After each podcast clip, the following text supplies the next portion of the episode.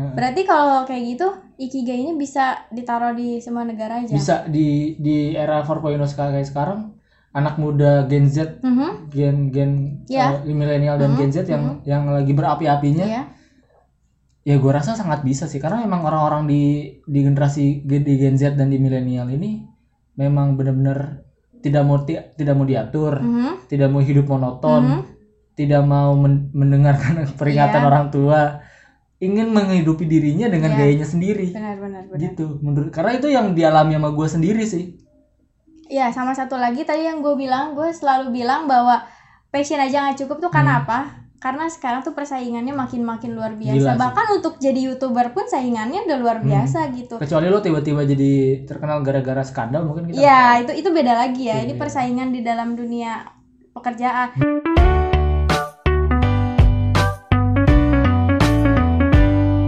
Selamat datang di podcast Argumentasi bersama gua Arsi. Dan gue Pican, di mana kita akan ngebahas segala sesuatu yang pengen kita bahas.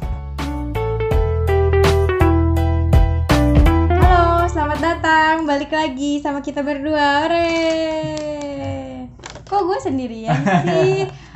Yo, ya. Balik Hari lagi. ini Mm-mm, sama kita berdua. uh, udah kan tadi. Oh iya. Hari ini kita mau uh, ngebahas Sesuatu, sebuah Yang- konsep. berasal dari negara matahari terbit. Iya, kita mau bahas sebuah konsep, Hmm, konsep hidup konsep ya. hidup Hmm. yang cukup unik. Yoi, Tapi ini eh, apa ya masuk akal sih karena udah ada buktinya sendiri. betul banget. Karena emang udah udah udah kelihatan banget sama Hmm, kita gitu. Kelihatan banget. Tapi mungkin beberapa orang kayaknya nggak tahu deh. Gua aja mungkin baru tahu. Kan gue baru tahu dari lo. Oke. Keren emang. Tapi Saudara. ketika lu pertama kali tahu lu tau dari mana nih Pican? Video kita sama. Oh ya? iya. Gua Oh ya, anyway, eh, Pican ini adalah fans beratnya. kita ganja sendiri. biasa aja biasa aja biasa Kita aja. Cuman mirip doang, biasa aja. Iya, kita mau oke langsung aja itu nggak penting. Oke. Mau kita langsung aja mau bahas itu adalah ikigai. Ikigai, Hmm. Ikigai. Gue pertama kali denger di Pican Ikigai, gue kira ini Apa laki-laki. Ken- Kenapa bisa kayak gitu? Iki kan ini, Ini benar ya? gay laki-laki. Enggak lu nggak berpikir itu adalah kata dari bahasa Jepang? Enggak, gue kira bahasa Inggris awal ketika lu bilang. Oke. Ikigai. Oke, Oke, oke, oke. Ikigai, Ikigai. Jadi, Ikigai. kenapa kita bahas ini? Oh ya kenapa? Karena Hmm? Eh, ini kita bikin ini prolog dulu, prolog dulu. Iya, ya kenapa tuh Pican? Kalau gua sendiri kenapa gua tertarik buat bahas ini karena Hah? awalnya gua adalah seseorang yang masih mencari passion sampai sekarang. Passion atau atau Passion. jenis jenis apa jenis diri lo tuh seperti apa? Passion, Oh, passion. minat ya kan. Lu belum punya passion? Merasa masih gak tahu gitu, masih masih belum bisa mengembangkan apa pun gitu. Sama sih kayak. Jadi ketika gue belajar di satu prodi, Hah? Gue masih belum tahu apakah gue gue masih condong ke mana gitu. Bahkan Bukti ketika buktinya kuliah aja iya buktinya mata kuliah pilihan pun beda-beda gitu ya, iya. Gak Dari tahu sih. PR ke Hmm. jurnalistik terus ke Hmm. event gitu ya. Nggak event nggak pokoknya. Oh, event nggak pernah masuk? Nggak jurnalistik ke PR udah. Kenapa? Dosennya ya? Ya gitulah. nah itu jadi kan gue tuh sibuk kayak bukan sibuk sih kayak Sibuk, ada sibuk. Eh anyway, ini Pijan juga baru datang dari Purwakarta ya. Ya. Langsung ke, ke Karawang langsung rekaman gitu. spesial untuk mencari passion. Ini passion passion gue juga sih sebenarnya. Ngebacot. Iya sambat. Nah jadi awalnya Hah? gue juga eh, bukan sibuk sih kayak bingung sendiri aja gitu. Udah Hmm. mau lulus masih nggak tahu Iya passionnya betul apa betul. kayak betul. aduh mau, mau dibawa ke mana nih aja gitu. Terus akhirnya gue kan lagi nonton video gue kayak penasaran ini ikigai apaan sih bahas apa? Hmm. Ternyata si Mbak Gita Saf ini Ah. membahas sesuatu yang luar biasa sih yang akhirnya ada di dalam diri dia gitu yang mungkin Oh. semua orang nggak nggak apa ya belum tentu bisa mendapatkan atau merasakan ikigai itu dan Jadi Ikigai di Gita Safi itu udah. dia merasa udah mendapatkan itu dia kan bercerita nih Hmm. dia kuliah jurusan kimia kan Hmm. dia kuliah jurusan kimia terus orang-orang tuh bertanya kapan mau daftar di perusahaan ya dia lulusan kimia otomatis kan orang-orang kayak nanya "E, lulusan kimia kerjanya mau di mana Hmm. tapi dia kayak jawab belum kepikiran Iya. Mau kerja di mana Hmm. dia merasa udah senang sama pekerjaannya sekarang traveling bikin Oh, konten. sekarang ini. Iya, terus temennya bilang, "Oh, berarti lu ikigai dong." Akhirnya dia mencari apa itu Hmm. ikigai dan akhirnya ketika dia udah cari, Hmm. bener katanya gitu. Jadi dia tuh hidup dengan dengan passionnya bukan dengan lulusan kuliahnya apa gitu. Iya, sekarang Oke. gitu. Bahkan ketika ijazahnya sekarang udah keluar pun dia kayak belum kepikiran buat ya masukin ijazahnya ke perusahaan kimia gitu. Dia S1 kan? Ya, Oh belum S enggak S2. belum. Tapi katanya mau. S2-nya pariwisata. Oke, bisa jadi ya. Biar tetap stay buat hijab Jadi- traveler. Iya, iya. produk. Terus Langsung kita langsung Ikigai. bahas ke inti, bukan ke inti sih kita langsung pindah nih. nah, Apa sih ikigai itu? Sebenarnya ikigai itu bukan kata dari bahasa Inggris ya. Jadi nggak Nah. ada nggak ada apa ya? Nggak ada ini laki-laki Iya, nggak ada kayak gitu-gitu gitu. Jadi ikigai itu merupakan terminologi Hmm. yang memasukkan ide kebahagiaan di dalam kehidupan Hmm. atau sebuah konsep yang merupakan alasan untuk ada atau untuk hidup. Hmm. Jadi tuh konsep ini tuh gimana caranya seseorang yang hidup tuh selalu punya tujuan. Iya, iya. Benar-benar selalu punya tujuan. Jadi itu. Lalu ada nih yang menurut reporter nasional, Geografi. iya, namanya siapa ini? Dan Butner, Hmm. Bettner ya itu. kan main bola itu Bettner. emang ya? Iya, lu nggak tahu. Enggak. Pemain bola apa? Main bola Eh, skip, skip, skip. Bettner. Jadi di rahasia orang-orang di salah satu pulau Okinawa di Jepang, Oh, di Okinawa. ya, supaya bisa hidup panjang umur dan tetap semangat. Hmm. Mereka tuh hidup tuh tetap punya tujuan meskipun usianya udah lanjut. Hmm. Katakanlah 100 tahun lebih. Hmm. 100 tahun lebih. Nggak nungguin mati ya? Iya, Iya. lu pernah dengar gak sih kalau misalnya orang-orang yang udah merasa anak-anaknya udah kerja, anak-anaknya udah pindah rumah, Ah. Iya. pasti mereka bilangnya kayak gini. Ah ya udahlah anak-anak udah pada kerja, sekarang lu tinggal menikmati masa tua aja Iya, ya. iya. Menurut gua sih kata-kata itu kayak bentuk kepasrahan lu menunggu aja Iya, gitu. Kalau menurut gua ya, cuman Iya. ya itu ya terserah masing-masing sih mikirnya gimana. Kalau gua menganggapnya seperti itu, tapi Hmm. kalau di Okinawa ini orang-orang yang udah 100 tahun contohnya ada nih grup grup Grup band? grup ya, usianya Grup tuh band? ser- iya 100 tahun tapi namanya tuh aduh gua lupa pokoknya belakangnya 48 juga tapi kayaknya versi tuanya Oh my god. karena dari dulu mereka seneng dansa sama nyanyi ah, sampai sekarang mereka masih kayak gitu meskipun mereka udah 100 tahun mereka masih kayak gitu passion ya. Passion yang menghidupi mereka gitu. iya awalnya ya karena suka karena Hmm. suka karena masih dibayar masih laku Hmm. masih diminati jadi mereka sampai sekarang masih menjalani itu Tapi kalau memang mereka me- mengkonsepkan ikigai dalam dirinya tuh apa pun yang terjadi dia akan tetap melakukan itu kan? pasti Iya. karena mereka udah suka Hmm. gitu dan di sini juga ikigai sendiri itu ada diagram Venn-nya Hmm, iya, ya iya, iya. kan ikigai itu ada diagram Venn-nya yang mana orang bisa dikatakan ikigai kalau misalnya udah punya empat aspek ini Betul. gak boleh miss satu pun Hmm. jadi yang pertama itu apa yang anda suka jadi kalau misalnya itu adalah awalnya ya Hmm. apa yang lu suka, yang kedua itu apa yang lu bisa, yang ketiga itu apa yang dibutuhkan dunia atau orang-orang, dan yang keempat itu apa yang bisa, apakah bisa mendapatkan imbalan atau apakah dibayar atau enggak. Hmm. Jadi gini ya, contohnya kayak kalau misalnya lu suka sesuatu, Ya. lu pernah nggak mendengar ada cuitan dari tokoh politik yang bilang "E, hobi yang dibayar itu menyenangkan. Siapa tuh? Dah. ya ada Oke. pokoknya. Tahu nggak? Enggak. Oke. Ya itu. Terus memang ternyata benar-benar benar-benar juga sih. Jadi Iyalah, pastilah. ya enak kan, lu Hmm. melakukan pekerjaan tapi itu hobi lu gitu. Hmm. Serasa bukan kerja jadi. Mhm. Tapi itu balik lagi sih. Belum tentu sih dia merasa. Tapi kalau dia merasa jenuh itu dia belum masuk ikigai karena itu baru cuman konsep dia suka, dia dibayar udah selesai. Hmm. Kalau misalnya ikigai itu benar-benar konsisten sampai tua. Gitu. Oke. Mhm. Sebenarnya ini menarik sih kompleks juga. Iya. Tapi terbukti juga sih, gue baca juga di sini buktinya Jepang itu punya angka harapan hidup tertinggi kelima. Macam-macam sih ada yang bilang kedua, ada yang lima besar, ada yang bilang keenam. Tapi Hmm. gue ini eh dapat dari World Factbook 2011. Jadi angka harapan hidup mereka tuh range-nya 82 sampai 85 tahun. Kayak gitu. Jadi udah terbukti sih ikigai ini tuh bisa diaplikasikan sama mereka. Tapi yang lo tahu kan orang Jepang kan pekerjaannya hektik luar biasa. Iya betul banget. Betul Iya banget. kan? Tapi emang sih nggak semua orang bisa bisa kayak gitu. Hmm. Ada orang yang frustasi juga. Ada. Buktinya ada hutan bunuh diri kan Iya, betul, itu. betul.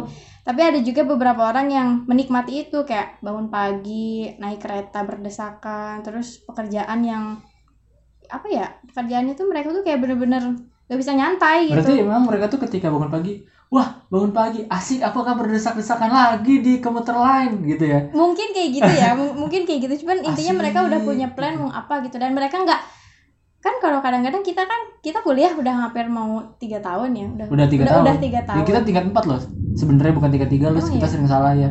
Hmm, kita kita tingkat tingkat empat tingkat empat kita. kita udah tua itu kan adalah sesuatu yang kita lakukan bisa dibilang setiap hari Setiap ya hari berulang-ulang lah. tapi tetap aja ada momen di mana ketika bangun pagi aduh ngampus aduh Gua enggak sih. oh lu enggak kan? kalau gue iya doang sih. kalau kayak aduh tugas belum aduh nanti mager banget mandi atau apa pun gue masih ada di lu selalu semangat ngampus Kalau kuliah pagi, justru gua kalau kuliahnya nggak pagi, gua nggak kan gue ngekos berdua nih ya, iya Mm-mm. sama Ajit nih kan. Mm. Gue tuh selalu bangun pagi. oke Nah, Hmm. kalau misalnya pagi nggak ada kelas ya otomatis Ajit bangunnya siang dong. Mhm. Gue udah bangun pagi, gue mau ngapain ya? Gue udah mandi. Mhm. Mau gue buka, buka pintu karena kan panas banget kan kosan ya. Mhm. Mau gue buka pintu, tapi nanti Ajit kebangun, Mhm. silo ya kan. Mhm. Ya gue jadi bingung sendiri Iya, gitu. iya, Tapi iya. kalau misalnya gue udah bangun pagi, dan ada ada kegiatan pagi hari ya, gue akan merasa lebih, ayo buka pintu nggak apa-apa gitu Oh, kan. oke oke oke Dan mari Bagus sih. berkegiatan gitu. bagus bagus bagus bagus gue belum gitu gue masih malas gue bangun pagi kayak oh udah udah hari senin apalagi hari senin tuh kayak oh udah hari senin ya oke waktunya menjalani aktivitas gitu Tapi gue gue merasa kuliah ya kayak lu mungkin hari aduh udah hari Senin Hmm. asik asik weekend gitu. hmm Gue merasa biasa aja sih. Mau itu weekend mau itu Senin karena kita kuliah nggak terpaku waktu kayak ja- kayak sekolah kayak ya sekolah ya. iya ha-ha. Jadi gue merasa biasa aja sih mau itu hari Senin mau itu hari Sabtu mau hari Minggu. Eh, semangat gue gitu-gitu aja. Eh, tetap tinggi lah maksud gue nggak nggak Wah gila sih, wow. Iya biasa aja sih. Nggak, gue nggak pernah mengalukan. Berarti "Aduh, lo bukan Senin." tipe orang yang lama panasnya ya? Enggak juga Kalau gue kayaknya. gitu, gue gue sampai mau habis bulan ini gue belum buka laptop sama sekali, sama sekali belum. Eh tapi gue juga untuk hal-hal tertentu gue malas juga sih. Iya. Aja sih. Oke, kita bakal lanjutin ngobrol-ngobrolnya di segmen yang kedua. Dadah. Hehe. Oke, balik lagi di segmen 2 masih ngomongin ikigai. Nah, jadi dalam ikigai ini ada ti- ada empat ada empat elemen ya. Mm-mm. Yang pertama itu ada eh, kesukaan lo, passion, Iya. ada mission, profession, dan Mm-mm. vocation. Tadi udah jelasin. Iya. Nah, jadi da- dalam ikigai ini kita tuh bener-bener gini ya Pican. Jadi Oh ya dari dari keempat itu dulu dibahas dulu kali ya. Yang yang yang pertama yang lu suka, Hmm. you love it. Ya. Itu masuknya ke passion dan mission. Ya. Jadi lu harus cari dulu apa yang lu suka. Ya. Misalnya kayak lu gua- suka bacot misalnya. Ya, kayak gitu. Lu bisa bisa jadi MC misalkan Hmm. gitu. Oke, misalnya kita katakanlah lu seorang yang suka bacot. Mhm. Lu orangnya nggak bisa diam suka bacot. Mhm. Lalu poin kedua setelah you love it, Mhm. the world needs it. Heeh, benar. Dunia membutuhkan itu. Iya. MC. Di mana sih yang nggak butuh MC? Iya, benar-benar. Ya kan? Iya. Jadi lu harus cari sesuatu yang lu suka tapi juga harus dibutuhkan sama orang lain gitu. Iya. Jangan sampai lu suka uh, apa ya yang nggak disukai orang lain ya. Gosip misalnya. Oke, oke. Gosip emang akan ada pekerjaan yang mendatangi lu karena lu suka gosip. Iya, benar-benar. Iya kan? Hmm. Nah setelah lu menyukai itu, dunia membutuhkan itu, yang ketiga adalah lu dibayar untuk itu. Hmm. Ya Jadi itu keren sih. Ya itu sih. Jadi lu harus mencari sesuatu yang lu suka. Nggak usah dicari, mungkin lu bisa lu bisa Iya ya melakukannya dari kalau sekarang kalau sih udah ya. suka udah kelihatan sih. Iya. Cuman kadang-kadang ada ya ada ada juga nih gue suka kayak tadi ya lu Ah. bilang bacot kan. Ah. Tapi gue belum tentu bisa gitu ngerti nggak? Hmm. Oh, hanya suka aja, belum, Iya, belum suka. ahli gitu. Iya belum tentu ahli kan. Ah. Terus gue bisa nih ngomong tapi gue malu gitu. Jadi gue Hmm. nggak nggak mau nggak bisa explore nggak bisa jadi MC. Nah yang kayak gitu apakah itu benar-benar itu lu, lu sukai? Misal lu suka, lu, sih, lu bilang kan lu suka. bacot, Mhm. tapi ternyata lu malu di depan orang banyak, Iya. tapi ternyata lu merasa tidak tidak ahli. Tapi kalau misalnya itu dibutuhkan orang gitu, misalnya ya kalau orang minta nggak bisa nolak gitu ngerti nggak sampai Oh. sampai situ kayak gitu jadi emang masih jauh dari dari ikigai tapi kalau misalnya ada pekerjaan yang membutuhkan itu ya karena dibayar kan Hmm. ya gue mau meskipun gue nggak jago-jago amat Betul, gitu betul, betul. Nah, tadi kan yang pertama udah you love it, Mm-mm. the world needs it, Mm-mm. you are paid for it. Yang terakhir nih, you are great at it. Mm-mm. Lo tuh harus jago di bidang itu. iya ya biar bisa terus explore ya Kita kita kasih contoh aja hal kecil nih misalnya nih ya. mungkin bingung ya kita menemukan sesuatu yang kita suka dan bisa bisa menjadikan uang tapi kita coba misal lu adalah seseorang yang suka nonton anime Mhm, oke mhm. sesimpel itu lu suka nonton gue gue nonton anime nggak mungkin dong gue bisa bekerja di situ dari suka anime itu Iya. bisa banget yang pertama gimana lu jadi translator anime. Iya benar benar. lu bikin web Mhm, dan rata-rata ya rata-rata yang gue lihat itu orang-orang yang suka anime juga jago IT mhm. jadi mungkin lu bisa buka Emang web. sih? iya kan? Iya iya iya iya, karena download anime aja udah susah ya kan? Hmm. webnya aneh-aneh gitu. Lu suka anime lu buka lu buka web atau lu gabung ke dalam sebuah web lu jadi translator di situ. Maka lu akan semakin terlatih terlatih terlatih. Iya, iya. you love it Mhm, the world needs it dan karena dunia butuh orang butuh orang yang bisa mentranslate. Mhm. you are paid for it lu bisa dapat sponsor lu bisa dapat iklan lu bisa dapat teman-teman relasi yang banyak dan you are great at it Hmm. gitu Iya keren sih benar sih. contoh lain kayak gimana nih Pican? Kalau dari gue sih mungkin kayak ya tadi kita sama tadi kan. Nah, padahal lulusan kimia loh. Di Iya. negara yang yang yang kimiawinya oke misalnya dunia sainsnya maju gitu. Di Ya Jerman iyalah gitu. terus juga ditambah dia belajar kimia pakai bahasa Jerman gitu. Wow. kita Dia bisa diterima di perusahaan mana aja sih kalau di Indonesia ya. betul banget. Nah. Gue gue SMP aja belajar matematika pakai pakai bahasa Inggris. Buset, itu pusing banget. Itu pakai bahasa Inggris ya. Itu mending pakai Yang bahasa Inggris. abjadnya masih jelas ya. Iya, Jerman udah abjadnya terus ngomongnya Iya, kan, kayak gitu. Nah, jadi kalau contoh dari Mbak Gita ini kan dia jadi konten kreator kan. Idola Anda. Idola saya juga. Boleh lah, cuman gak seidola itu sih biasa aja. Oke, gue kayak gue juga biasa. aja. Masih mengidolakan Tura soalnya gitu.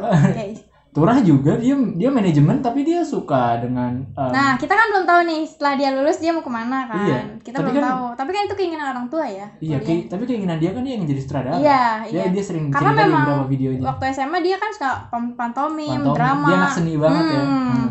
Nah, kalau misalnya dari kita kan dia eh, konten kreator ya. Mana Hmm. konten kreator itu kan harus punya ide ya, harus selalu punya ide. Hmm. Apalagi mereka itu setiap minggu harus aja upload video. Minimal setiap minggu harus ada. Iya, Kayak bahkan kita. kayak Atta Halilintar kan Tiap satu hari. minggu gitu, satu Tiap hari, minggu coy. tiap hari ya bener harus bikin video gitu. Dan banyak yang nonton gitu yang gue bingung. Iya ya, heran gue ge. Bocah Nah. sih gue, gue. Soalnya segmen soalnya YouTube udah gak kayak dulu. Kalau dulu tuh YouTube itu um, spesial gitu. Hmm, Hanya orang-orang ya. Oke sorry ya kalangan atas lah yang nonton Ya, YouTube. kelas AB. Kelas AB. Iya, ya. Kalau sekarang CDE nonton YouTube juga Iya, gitu. mm-mm. Yang di pelosok mana juga nonton YouTube dan bocah-bocah atau bukan bocah ya orang-orang yang um, katakanlah kurang bisa melihat YouTube dari sisi lain gitu. Iya, bahkan nonton YouTube dengan suara Google Translate tuh masih pada bangga gitu Iya. orang-orang. Gue masih aja gitu ngedenger ini orang.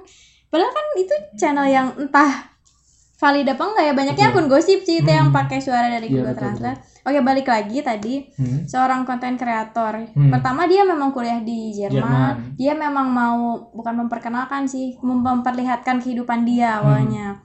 Terus akhirnya dia buatlah channel YouTube cover lagu. Setelah cover lagu, Oh, pertama dia cover lagu. hmm, sama pacarnya, sama Paul. Paul.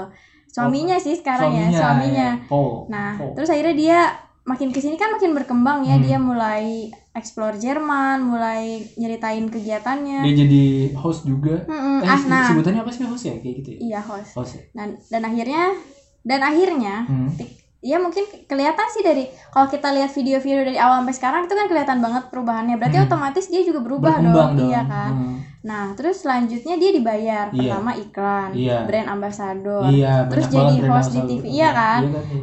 Dan ya udah, dan itu udah Dan berjalan iya dan sampai sekarang dan dia suka. dan dia suka dan dia jago Mm-mm. dan dia dibayar. Iya, dan dia menikmati itu. Jadi ya itu adalah salah satu contoh real ya. Hmm. Contoh real dari influencer Indonesia aja yang masih konsisten gitu sampai sekarang. Yang dia bilang bahwa dia mungkin sampai sekarang masih stabil dan belum merasakan ada di zona yang aduh gue mau bikin konten apa lagi aduh gue bosen nih bikin konten enggak gitu tapi memang kalau udah nyaman sih kayaknya gitu deh iya Iya. sih kalau udah nyaman lama-lama suka kayak gitu Kalau udah suka lama-lama nyaman.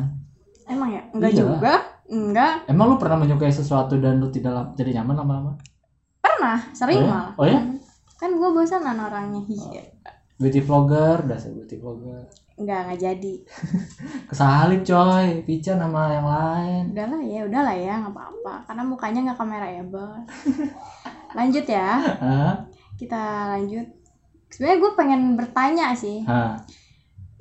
gue juga sebenarnya masih bingung ya Hmm. bagaimana caranya mencapai ikigai itu sendiri gitu buat diri sendiri gitu kan gue memaparkan Hmm. gue ngasih contoh tapi buat gua- diri gue sendiri gue masih belum Menurut tahu gue nih, Hmm. gue gue gue udah mulai mengerti nih ikigai ini Hmm, apa.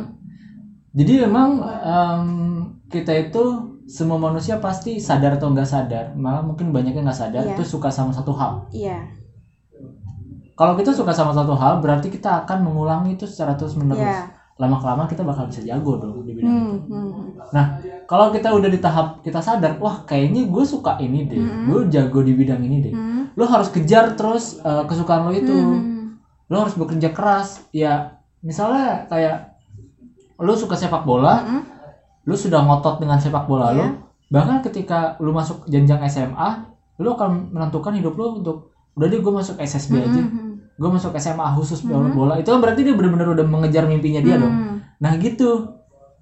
Gitu sih menurut gue jadi lu udah tahu dan lu harus kejar secara total sih. Iya. Sampai lu bisa. Nah, makanya dari itu untung aja gue menemukan konsep hidup seperti ini. Karena Hmm. apa? Karena memang karena gue masih struggle sama passion kan, yang mana itu nggak ketemu-ketemu.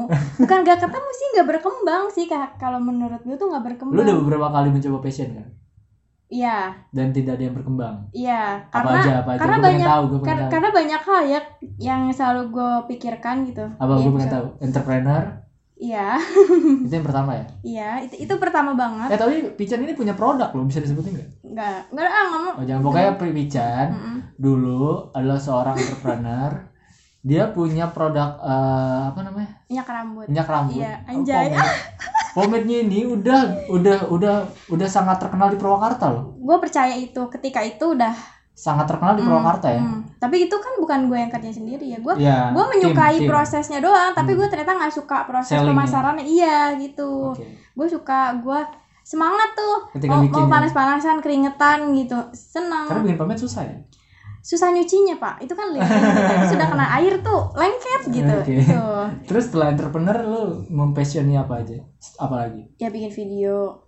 Oke yang nggak jadi itu Ya awal mencoba untuk menjadi content Iya. creator awalnya dari bikin video itu masih kayak gue melakukan komunikasi interpersonal dulu. Jadi gue Nah, sering ngomong. komunikasi sendiri. interpersonal apa orang nggak paham Iya jadi ih pokoknya gitu deh. ngomong sama diri sendiri Iya, nggak ngomong sama diri sendiri. Sering, maksudnya lebih suka interaksi sama diri gue sendiri. iya gitu. iya maksud gue itu Iya, bener kan ya? iya Bener kan? Ya takut salah, takut salah nanti.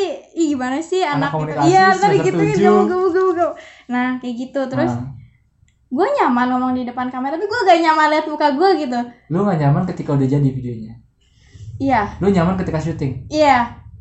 Jadi apakah gue harus syuting aja terus nih videonya editin ya udah lu cocok berpodcast berarti udah karena komuk lu nggak kelihatan Iya, tapi emang itu enak sih. Apa? Tapi gue nggak mau jadi penyiar radio loh. Tahu kenapa? kenapa nggak tahu ya karena lebih diarahin gak sih kan kalau jadi kalau bikin podcast kayak gini ya suka lu suka suka gua gitu kalau dulu gue jadi penyiar enggak sih oh yang enggak jelas- ya yang jelas gue ada- belum pernah sih yang jelas ada SOP ada Hmm. SOP cuman ketika kita udah punya ciri khas maka produser kita akan merasa ah si ini kayaknya cocok megang acara ini Hmm. tapi satu sih yang gini." gua mau apa gak tahu ya gak pengen banget Hah? ngomong Hah? di depan banyak orang tapi gue jadi jadi orang yang berhasil gitu Oh, oke, oke. entah entah keberhasilan yang berasal dari mana tapi gue pengen pengen gue sampein ke orang-orang gitu udah itu doang lu ingin menceritakan bagaimana Iya, struggle-nya iya, hidup lu nah di masa itu, lalu itu, tapi ya gak tahu ya itu aneh sih oke itu, itu keren sih menurut gue tapi kan nggak tahu apa gitu gue merasa emang sih ada yang bilang belum ada kata terlambat ya tapi gue Hmm. merasa 22 tahun ini tuh kayak belum terjadi apa pun gitu dalam hidup gue Oke. Oke. Masih penasaran dengan ikigai dan fenomena ikigai yang ada di antara kita berdua? oke kita akan balik lagi di segmen yang ketiga Yeay.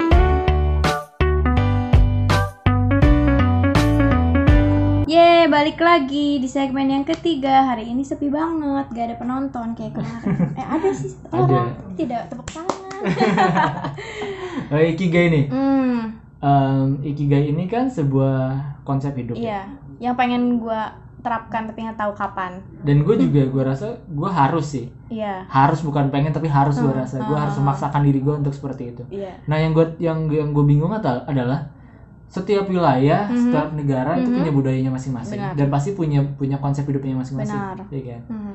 Um, tapi kenapa di Jepang ikigai ini benar-benar bisa jadi tolak ukur hidup semua orang gitu. Iya. Hampir semua orang lah yang kita nggak bisa bilang semua orang, hampir semua orang ikigai banget. Mm-mm. Tapi di Indonesia dengan dengan misalnya bine- bineka tunggal ikanya yang udah dijadikan slogan negaranya, yang udah dijadikan Nah, bahkan di Indonesia aja bineka tunggal ika yang udah dijadikan dasar negara dan dijadikan budaya dari nenek moyang kita terdahulu, Mm-mm. masih ada aja kok orang-orang Indonesia yang masih rusuh antar antar suku, Iya. antar Bahkan- wilayah Bahkan sampai sekarang sampai sekarang. malah lebih ketara. Hmm, betul. Hmm. Nah, kenapa sih di Jepang kok bener-bener bisa bisa sehebat itu ya penerapannya ya? Bahkan terbukti juga kan nih tadi. Hmm, hmm, hmm. dari mereka berhasil ada di paling atas gitu dan Indonesia itu ada di 137. Har- arang- angka harapan Hmm. 137. Iya dan Dari range 190-an negara. Iya kurang lebih dan tapi di deretan itu yang gue lihat itu kayak Asia gitu, kayak Filipina, Vietnam itu atas bawahnya tuh kalau nggak salah Di, ya. di sekitar Indonesia. Iya.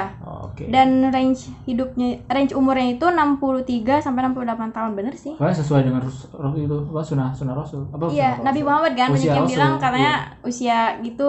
Usia umatku tidak akan Hmm. beda jauh kan. Hmm, tapi jauh banget sih, jauh banget Jauh 137 sama 5 gitu, jauh banget sih. Terus menurut lo apa lagi nih yang yang apa ya?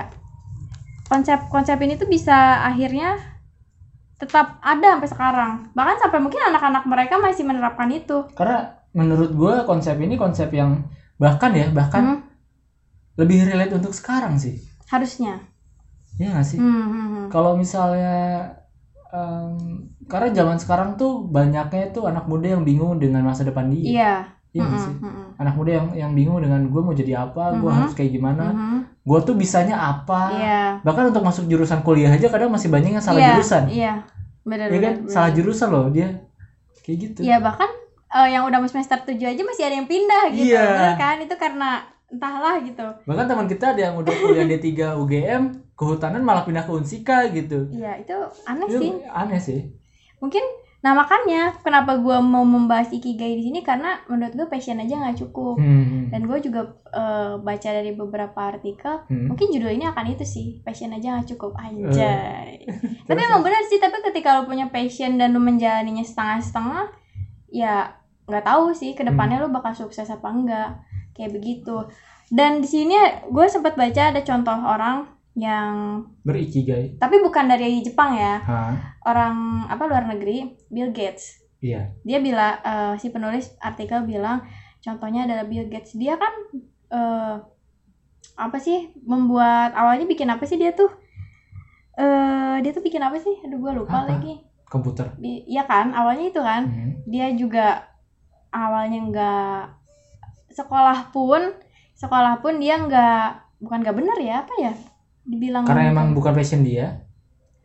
oh iya karena dia tuh kayak pikirannya tuh kayak out of out of apa ya oke. di luar di luar pikiran orang-orang Iya, iya, gitu iya. kan dan akhirnya dia juga sekolah pun nggak lu nggak bukan nggak lulus iya Nggak- lulus nggak, nggak iya. selesai Ah. gitu tapi dia ternyata terus aja berkutik sama komputernya dan akhirnya Dengan dia bisa jadi dia. iya bisa jadi orang besar sampai sekarang bahkan dia lagi merem pun uang bisa bisa terus datang itu Menurut gue juga orang yang ikigai itu menurut gue almarhum Bapak B.J. Habibie sih. hmm, kenapa tuh Karena seperti oh yang iya kita iya tahu kan, iya iya iya, iya. beliau tuh emang suka sains. Mm-mm, Beliau tuh suka kereta, beliau tuh suka pesawat terbang. pesawat ya Dan dia emang benar-benar mengejar padahal ya, padahal Mhm. saat itu kalau memang beliau tuh mikirnya realistis, Mhm. beliau tuh berpikir em, kesempatan kerja, kesempatan uang dan lain Mhm. sebagainya. Gua rasa ya gue kalau jadi beliau gue nggak akan milih untuk sekolah di Jerman di bidang itu sih. kenapa Ya karena dunia em, perdirgantaraan negara Iya, benar. sama sekali nggak ada nggak ada gitu. Hmm, Indonesia nggak ada bikin pesawat, Indonesia Hmm. nggak ada ngurusin kereta api. hmm, benar-benar Ya kan? Tapi kenapa beliau berke- bekerja berkuliah di bidang itu padahal kalau kita lihat kecepatan di satu Hmm. negara kita Hmm, aja hmm. itu nggak ada apa-apa. tapi keinginan orang tua sih Hmm. keinginan si ayah Hmm. Gue gue mendengar pernah mendengar ceritanya ayahnya tuh kayak bilang kamu harus jadi eh, ayahnya tuh punya beberapa anak Hmm. jadi anaknya udah dipatok kamu harus jadi ini kamu harus jadi ini kamu harus jadi ini jadi Hmm. mungkin kalau Pak B.J. Habibie ini ada tipikal yang nurut gitu jadi kalau apa kata ayahnya suka gitu. iya kata ayahnya jadi orang tuanya itu ketika memang nyuruh anaknya kamu ah, nanti harus bisa bikin pesawat terbang jadi orang tuanya tuh mengarahkan gitu Hmm. ngerti nggak jadi ketika orang tuanya kerja di bidang mesin misalnya Hmm. diajak Hmm. ketika diskusi diajak jadi nggak cuma sekedar nyuruh gitu kayak orang tua gue nyuruh jadi perawat sedangkan gue nggak tahu apa-apa gitu tentang Sedangkan perawat tidak ada edukasi sejak dini. iya jadi kan nggak ada ketertarikan dari gue yang pertama Hmm. terus nggak ada keinginan juga dan gue juga nggak bisa gitu Lu pernah disuruh jadi perawat? bahkan sampai sekarang kayaknya selalu ngomong deh kayak aduh enak deh kayaknya kalau misalnya nggak ngerti lagi deh beneran sampai sekarang masih aja disuruh jadi perawat gitu Padahal udah mau lulus ya komunikasi ya. bukan disuruh sih kayak cuman omongan-omongan halus aja gitu tapi kesannya kayak ya harus jadi perawat gitu Ya kan kan ayah anda berbaju loreng. nggak juga sih itu masih berarti Baju loreng kan berarti masih pakai stereotip dong ya jadi kalau baju orang harusnya sama perawat gitu oke siap. perawat bidan nih dokter ya kan. Enggak sih, enggak mau. Terus kalau misalnya oh ada nih ngelihat nih eh, orang jadi Hmm. perawat. Hmm. Ih, kayaknya seru deh. Hmm. Terus jadinya ujung-ujungnya kayak gini. Nanti adek kalau punya istri perawat aja. yang Oke siap. Itu tuh kayak bukti bahwa gue gagal gitu. Gue merasa gagal. Itu ke adek lu. Iya. Oh, ke si Sadam, Sadam, Sadam iya. Hussein. Dan emang makanya gue masuk IPA pun karena itu. Padahal gue Oh, ya? enggak. Iya, makanya kan kan kalau jadi dokter gak mungkin banget kan. Iya. Jadi perawat aja udah gak mungkin apalagi jadi dokter gitu. Jadi ya udah. Karena guanya juga gak mau. Karena gue bukan anak eksak. Wih. gaya. Anda goblok aja. gitu, Iya. bilang aja. Gak bisa ngitung. Tapi jaga warung. Ya elah ngitung kayak gitu doang. nah makanya dengan adanya materi ini pun ya akhirnya gue berpikir bahwa ya gue harus mencari sesuatu yang gue suka, gue tingkatkan. Dan lu harus serius. Iya, Karena kalau passion modal passion doang emang gak cukup sih. emang iya ya. Ya iya lu, lu suka ya udah lu nggak berusaha dengan dengan Hmm. passion lu ya percuma. Iya, jadi eh, buat teman-teman juga nih ya yang Hmm. gue ngelihat kayak gue sering banget bukan iri ya kayak ngelihat ih orang ini jago jago banget dalam Hmm. suatu bidang. Tapi mereka tuh kayak kalau misal kalau misalnya apa apa tuh kayak masih ragu-ragu gitu kalau Hmm. dimintain tolong, ih nggak mau ah takut jelek Iya, hasilnya iya, kayak iya. gitu. Padahal Bagi Ya kita iya gue aja nggak bisa gitu. Ada beberapa orang yang kayak gitu makanya kenapa gue membahas eh, kita membahas ikigai di sini karena menurut gue satu aspek aja nggak cukup Hmm, gitu. betul, betul. Begitu. Oke. Menurut gue perbicara perbicaraan pembicaraan kita Mhm. tentang ikigai ini Udah udah cukup. udah udah cukup Ah. karena ya ikigai Ya, itu adalah sesuatu yang intinya kompleks gitu. ya. Heeh, ada sesuatu yang kompleks yang ada di dalam diri manusia tapi nggak semua orang bisa betul. dan sampai saat ini cuman beberapa negara aja gitu yang bisa menerapkannya termasuk Jepang ya Hmm. yang mungkin bisa dibilang yang menjadi pencetus ya yang menjadi yang mempopulerkannya Gitu. Menurut lu Hmm. Pesan dari gua enggak enggak apa? gue mau nanya ikigai bisa nggak sih ditaruh di orang Indonesia Bisa banget. kenapa Karena anak muda zaman sekarang tuh gua lihat ya Mhm. lebih mentingin passion. oke oh jadi bisa Bisa banget. Asal Hmm. kita beri edukasi sejak sejak saat ini sih Iya, sejak dini. Jadi Iya jangan lu cuman ngandelin passion doang. intinya itu Percuma ya sih. Berarti kalau kayak gitu ikigai ini bisa ditaruh di semua negara aja Bisa di di era 4.0 sekarang kayak sekarang anak muda Gen Z, Mhm, gen gen Iya. eh, milenial dan Mhm, Gen Z yang yang lagi berapi-apinya iya ya gue rasa sangat bisa sih. Karena memang orang-orang di di generasi di Gen Z dan di milenial ini memang benar-benar tidak mau ti- tidak mau diatur Mhm, tidak mau hidup monoton mhm. tidak mau men- mendengarkan peringatan Iya. orang tua ingin menghidupi dirinya dengan Iya. gayanya sendiri. Benar benar benar. Gitu. Menurut karena itu yang dialami sama gue sendiri sih Ya, sama satu lagi tadi yang gue bilang, gue selalu bilang bahwa passion aja nggak cukup tuh karena Hmm. apa? Karena sekarang tuh persaingannya makin-makin luar Gila biasa. sih. Bahkan untuk jadi youtuber pun saingannya udah luar Hmm. biasa gitu. kecuali lo tiba-tiba jadi terkenal gara-gara skandal mungkin kita Ya, itu itu beda lagi ya. Ini iya. persaingan di dalam dunia pekerjaan. Hmm. Mungkin kan dulu persaingan kayak itu anaknya PNS, ayo saingan Hmm. jadi PNS gitu. Kalau sekarang jadi konten kreator pun persaingannya tinggi banget Hmm. gitu. Oke. Kalau sekarang nih, kalau Hmm. menurut nih pesan yang bisa lo sampaikan dari uh, episode Ikigai, Hmm. passion aja nggak cukup itu kayak gimana? Iya, iya. Eh, di episode yang ini gue benar-benar baca karena Hmm. gue tertarik banget. Kenapa bisa tertarik? Karena ini adalah suatu konsep hidup orang yang menurut gue bisa dijadikan contoh dan bisa diaplikasikan. Hmm. Nah, Kenapa gue sharing di sini juga? Karena gue mau juga teman-teman Hmm. juga harus apa ya? Harus memiliki empat aspek yang tadi udah gue jelaskan Hmm. gitu. Yang Makanya- suka, Yang, yang dunia yang dunia butuhkan, Iya. yang lu dibayar untuk itu Hmm. dan lu jago di bidang itu. Iya.